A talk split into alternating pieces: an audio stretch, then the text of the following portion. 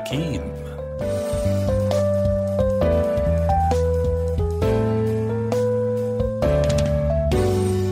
أهلا بكم مستمعينا في هذه الحلقة الجديدة من البرنامج الأسبوعي حكيم على أثير راديو الكل. نبدأ معكم بآخر التطورات المتعلقة بفيروس كورونا حيث أعلن مدير منظمة الصحة العالمية تيدروس أدهانوم جيبريسوس في مؤتمر صحفي يوم الجمعة الماضي إعطاء لقاح سينوفارم الصيني المضاد لفيروس كورونا موافقة طارئة. وبهذه الموافقة يصبح اللقاح الصيني سادس لقاح ينال مصادقة المنظمة للأمان والفاعلية والجودة. وأوصت لجنة خبراء اللقاحات التابعة لمنظمة الصحة العالمية بلقاح سينوفارم الصيني المضاد لفيروس كورونا والمصنوع في بكين مما حدا بمنظمة الصحة العالمية الجمعة إلى منحه موافقة طارئة وهو أول لقاح صيني يتلقى الضوء الأخضر من المنظمة للأشخاص الذين تبلغ أعمارهم 18 عاما فما فوق. وسبق أن أعطت منظمة الصحة العالمية ترخيصا بالاستخدام الطارئ للقاحات فايزر بيونتيك وموديرنا وجونسون أند جونسون وأيضا أسترازينيكا الذي ينتج في مرافق في الهند وكوريا الجنوبية. كشفت منظمة الصحة العالمية عن عامل أساسي في تفشي فيروس كورونا المستجد في الهند بشكل متسارع. ونقلت وكالة فرانس بريس عن كبيرة العلماء في المنظمة سوميا سواميناثان أن النسخة المتحورة الهندية من كوفيد 19 هي أحد العوامل التي أدت إلى تفشي فيروس كورونا بوتيرة متسارعة للغاية في الهند. وقالت سوامناثان إن نسخة بي 1 617 التي تم اكتشافها في الهند للمرة الأولى في تشرين الأول أكتوبر هي حتما أحد العوامل الأساسية في خروج الوباء عن السيطرة في ثاني أكبر بلد في العالم من حيث عدد السكان وأوضحت سوامناثان أن هذه النسخة أكثر عدوى وفتكا بالإضافة لكونها أكثر قدرة على مقاومة اللقاحات بالمقارنة مع النسخة الأصلية للفيروس. في خبر آخر أعربت الأمم المتحدة عن قلقها بشأن ارتفاع أعداد الإصابات بكورونا في مخيم الهول شرقي محافظة الحسكة السورية ودعت إلى توفير حلول مستدامة وطويلة الأمد لجميع سكان المخيم. جاء ذلك في إحاطة صحفية لستيفان دوغاريغ الناطق باسم الأمين العام للأمم المتحدة تعليقا على ارتفاع منحى إصابات كورونا في مخيم الهول الذي سجل 39 إصابة وست وفيات بالوباء منذ مطلع أيار الحالي ما تعد الحصيلة الأعلى منذ انتشار الوباء في سوريا في شهر آذار العام الماضي. وقال دوغاريك إننا قلقون إزاء ارتفاع حالات الإصابة بفيروس كوفيد-19 في عموم سوريا بما فيها في مخيم الهول وحذر دوغاريغ من انتشار الوباء في المخيم المكتظ بالنازحين واللاجئين وأضاف تدعم المنظمات الإنسانية تعقب المخالطين وتدرك أن انتشارا أكبر قد يكون مدمرا بسبب وضع العائلات الهش أصلا في المخيم وشدد على أن الأمم المتحدة وشركائها من الجهات الإنسانية تدعم مرفق التعامل مع جائحة كورونا في المخيم وتقدم مساعدات صحية وماء وصرفا صحيا للحد من انتقال الفيروس. عالميا وصل عدد الوفيات بالفيروس إلى أكثر من ثلاثة ملايين وثلاثمائة وثلاثة ألاف بينما بلغ عدد الإصابات أكثر من 158 مليونا و620 ألفا بحسب جامعة جونز هوبكنز الأمريكية. في حين وصل عدد المتعافين من الفيروس حول العالم إلى ما يزيد عن 95 مليونا وأحد عشر ألفا.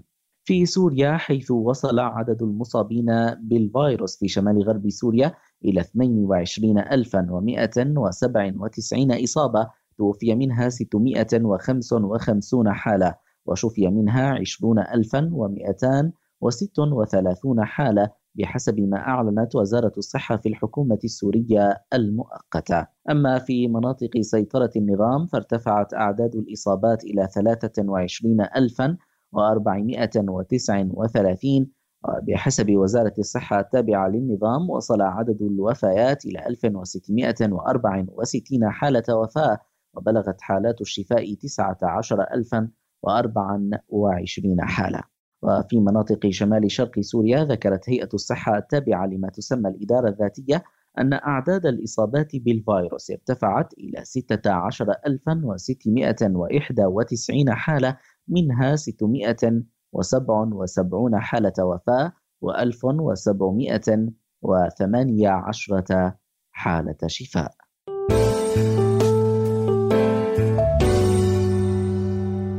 وننتقل معكم مستمعينا إلى فقرتنا الثانية من برنامج حكيم والتي سنتحدث فيها عن التسمم الغذائي لينضم إلينا الدكتور خالد السويد أخصائي في الأمراض الداخلية وأمراض الجهاز الهضمي عبر الهاتف من إدلب. أهلا بك دكتور خالد. بداية لو حدثتنا ما هو التسمم الغذائي؟ وهل التعرض للتسمم الغذائي يمكن أن يكون آه، في فصل من الفصول أكثر آه، من فصل آخر؟ أهلا وسهلا بك أخي الكريم وبالأخوة المستمعين آه، التسمم الغذائي هو عبارة عن مجموعة من الأعراض التي تحدث بعد تناول طعام ملوث طبعا التلوث بيكون بالأحياء الدقيقة اللي هي قد تكون جراثيم أو فيروسات أو طفيليات أو السموم اللي بتنتج عن هذه الأحياء. طبعا الفصول هو أكثر بفصل الصيف أكثر من فصل الشتاء عادة حالات التسمم الغذائي لعلاقة الموضوع بحفظ الطعام آه، حيث إنه حفظ الطعام يتطلب درجات حرارة منخفضة عادة. نعم. آه، ما هي الأسباب التي تؤدي للإصابة بالتسمم الغذائي دكتور؟ طبعا أهم أسباب هي قلة النظافة الشخصية هاي رقم واحد. رقم اثنين تلوث الأطعمة يعني عدم حفظها بشكل جيد آه، عدم طهي الأطعمة بشكل جيد. كل هاي بتؤدي إلى نمو هذه الجراثيم أو هذه البكتيريا في الأطعمة أو إفرازها لسموم قد تؤدي إلى حدوث حالات التسمم الغذائي. نعم. لو حدثنا أيضا دكتور عن عوامل الخطورة والفئات الأكثر عرضة للمخاطر. طبعا هلأ حالات التسمم الغذائي هي حالات شائعة وتصيب حوالي 30% من الناس يعني إلا ما يكون تقريبا حدا منا انصاب بعمر من من من أيامه أو بيوم من أيامه بحاله التسمم الغذائي. بينما الفئات الأكثر خطورة بصراحة واللي ممكن تترافق مع معدل وفيات أعلى هي حالات الأعمار المتقدمة المسنين الأعمار فوق ال 60 سنة الأطفال الرضع تحت السنتين الحوامل المرضى اللي عندهم أمراض مزمنة مثل مرضى القلب مرضى تشمع الكبد مرضى القصور الكلوي المرضى اللي عندهم ضعف بالمناعة لأسباب علاجات أو سرطانات أو أدوية كيماوية. نعم. لو انتقلنا معك دكتور للحديث عن الأعراض التي تظهر على المريض ومتى تجب زيارة الطبيب؟ هلا الأعراض بتظهر عادة بعد تناول طعام ملوث بساعات وأحيانا بتطول لحتى يوم أو حتى يومين يعني. أهم الأعراض اللي بتحدث هي الأقياءات الغثيان الإسهالات الآلام البطنية التشنجية آه، الصداع التعب والوهن والآلام العضلية. هل الأعراض اللي بتخلينا نستدعي أنه نشوف الطبيب هي وجود إسهال مدمى مثلا وجود أقياء مدمى وجود حرارة عالية فوق ال 40 درجة مثلا معك تستجيب على خافضات الحرارة.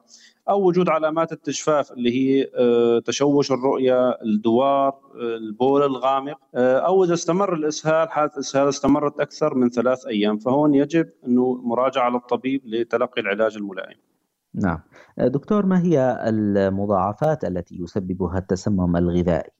أهم المضاعفات اللي بسبب التسمم الغذائي هو حالة التجفاف اللي هي نقص سوائل الجسم بسبب حدوث الأقياء والإسهال فما في وارد للفموي آه، يعوض هذا الخسارة يعوض هذه الخسارة من السوائل وبالتالي ممكن يدخل المريض بحالة التجفاف اللي هي نقص بالسوائل بالجسم آه، إضافة إلى اضطرابات بالشوارد نقص البوتاسيوم واللي ممكن يؤدي إلى تغير معي وحتى إلى الوفاة خاصة مثل ما حكينا عن الأطفال الصغار أو المسنين.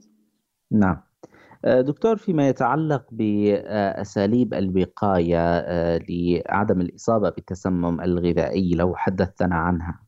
أساليب الوقاية للوقاية من حدوث التسمم الغذائي هي النظافه الشخصية، يعني غسل الأيدي بشكل جيد قبل تناول الطعام، بعد تناول الطعام، تجنب الأطعمة المكشوفة يعني آه، والمعرضة للتلوث أكثر من غيرها. طهي الأطعمة بشكل جيد خاصة اللحوم يعني أو الأسماك. طهي الأطعمة بشكل جيد قبل تناولها. إضافة إلى يعني ما نأكل طعام من شك أنه يكون في آه، يكون فاسد الأكل يعني من آه، من رائحة أو يكون صار له أكثر من من يوم. فهذا لازم نتجنب هذه الأطعمة. نعم.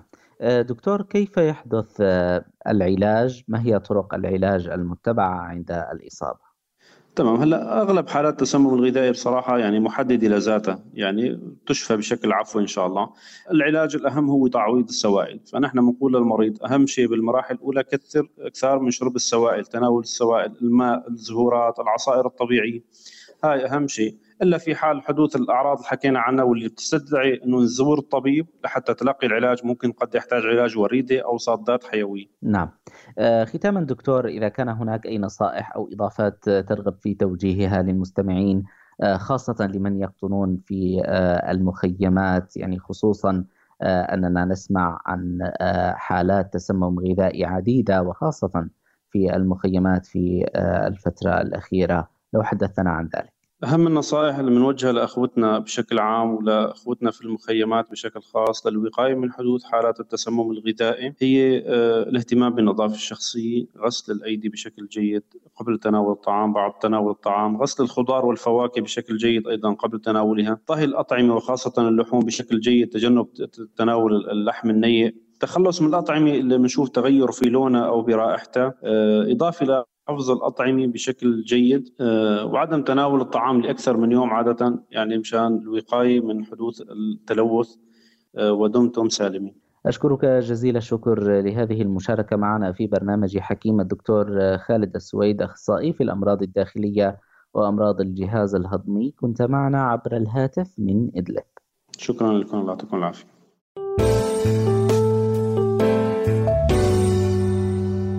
يضطر المرضى في قرية كفرهند بريف مدينة سلقين غربي إدلب لقطع مسافات طويلة من أجل تلقي العلاج لعدم توفر نقطة طبية في قريتهم أو حتى عيادة متنقلة.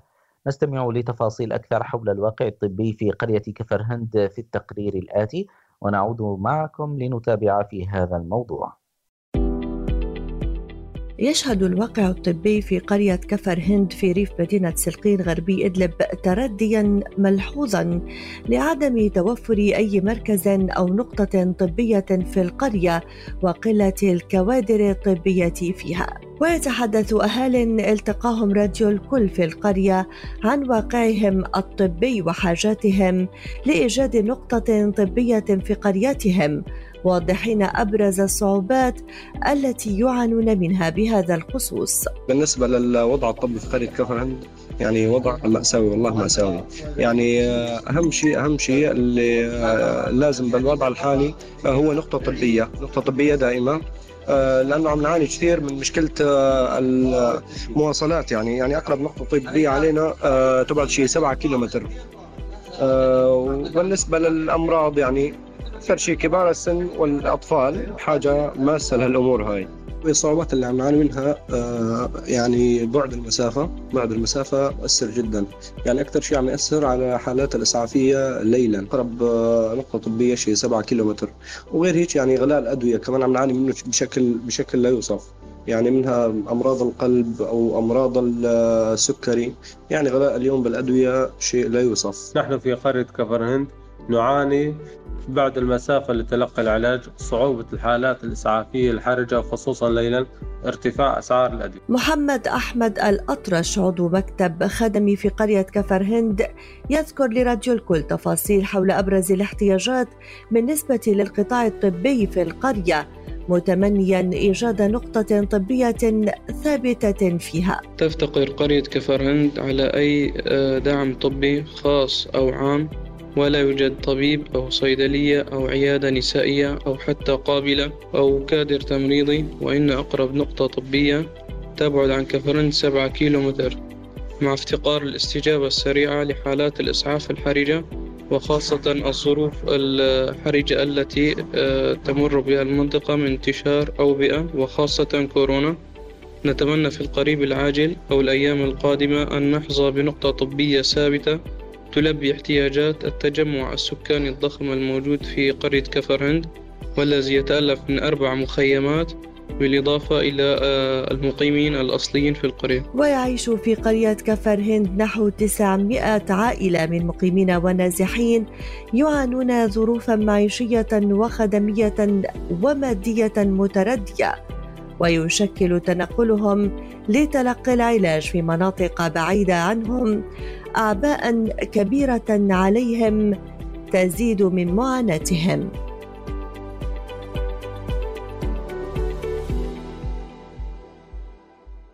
وللحديث أكثر حول الواقع الطبي في قرية كفر هند ينضم إلينا محمد الحكيم صيدلي في قرية كفر هند عبر الهاتف من سلقين في ريف إدلب الغربي. أهلا بك أستاذ محمد.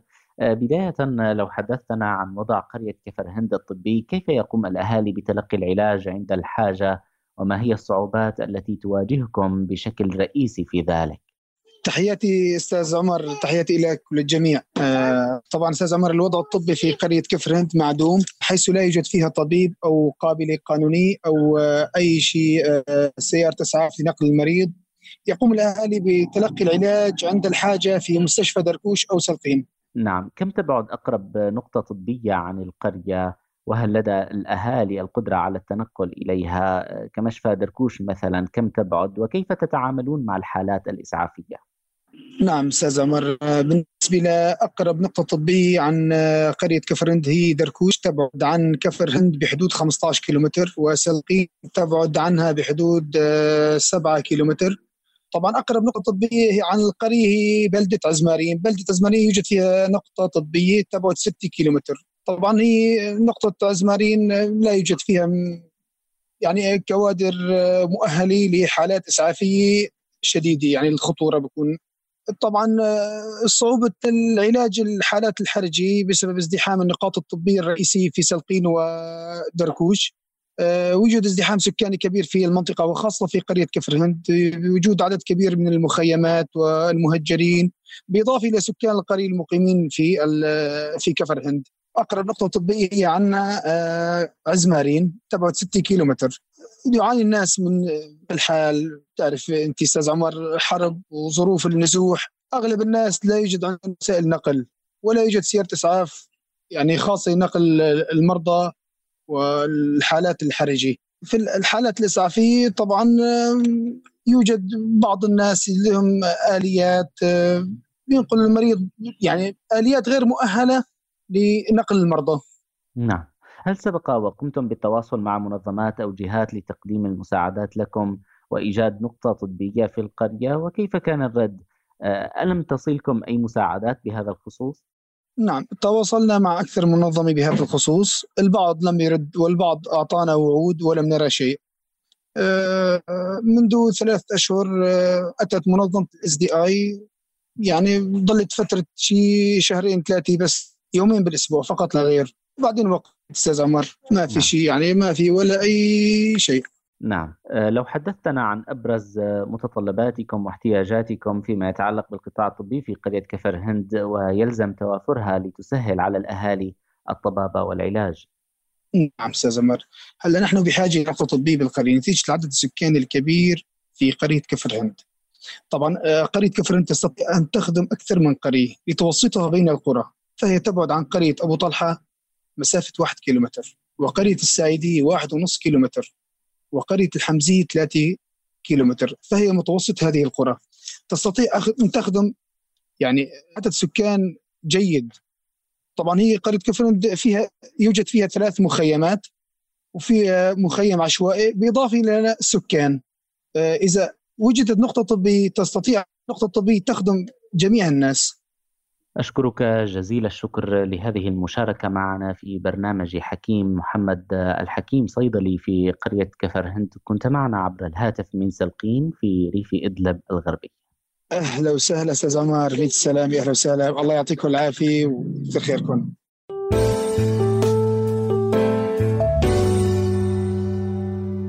يتأثر الجهاز الهضمي بتأثيرات مادية تتمثل بالأغذية والمشروبات وأخرى معنوية تتمثل بالحالة النفسية الأمر الذي يؤثر على قيامه بمهامه بشكل جيد ما يتطلب تولية الجهاز الهضمي عناية خاصة للحفاظ على صحته وسلامته لضمان أداء وظيفته. نستمع معكم عن القولون الأمعاء الغليظة في الجهاز الهضمي والعناية به في التقرير الآتي.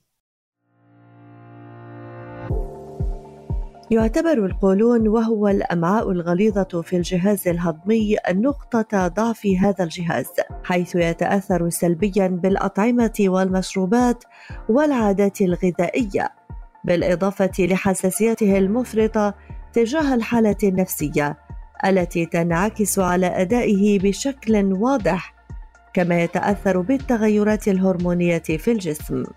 وتتمثل أعراض القولون العصبي في آلام مزمنة في البطن وشعور بالانتفاخ والإمساك أو الإسهال. كما يعاني المصاب بالقولون العصبي من آلام في المفاصل والعضلات واضطراب في النوم وتعب مزمن ووهن في الجسم وفقدان للشهية. وللحفاظ على صحة وسلامة القولون العصبي يجب تجنب الأطعمة المهيجة للقولون ومنها الأطعمة الغنية بالألياف غير القابلة للذوبان كالتفاح والخوخ والتوت والموز. كما تعتبر البقوليات من أكثر الأسباب المحركة للقولون العصبي لاحتوائها على الجلوتين وكذلك منتجات الألبان لاحتوائها على اللاكتوز.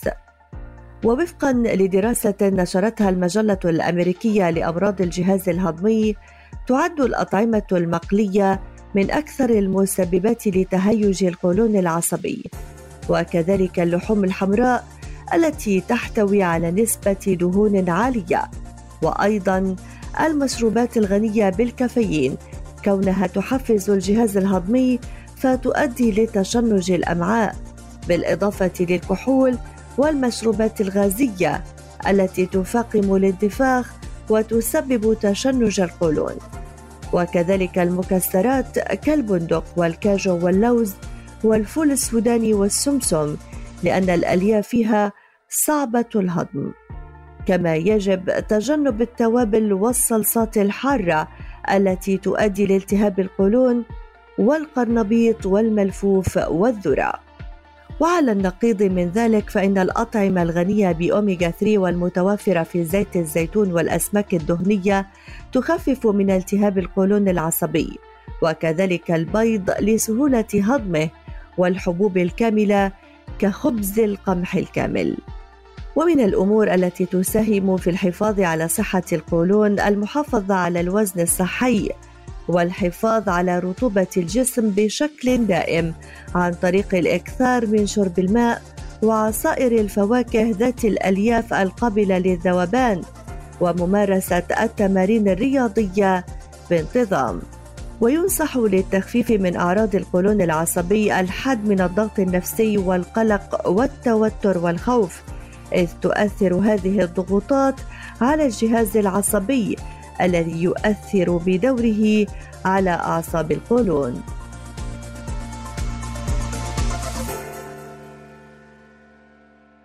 إلى هنا مستمعينا نكون قد وصلنا معكم إلى ختام حلقتنا لهذا اليوم من برنامج حكيم. كنا معكم في الإعداد والتقديم. أنا عمر نور وبتول الحكيم على أمل أن نلقاكم الأسبوع المقبل في ذات الموعد. أطيب التحيات لكم. دمتم بعافية وخير. وإلى اللقاء.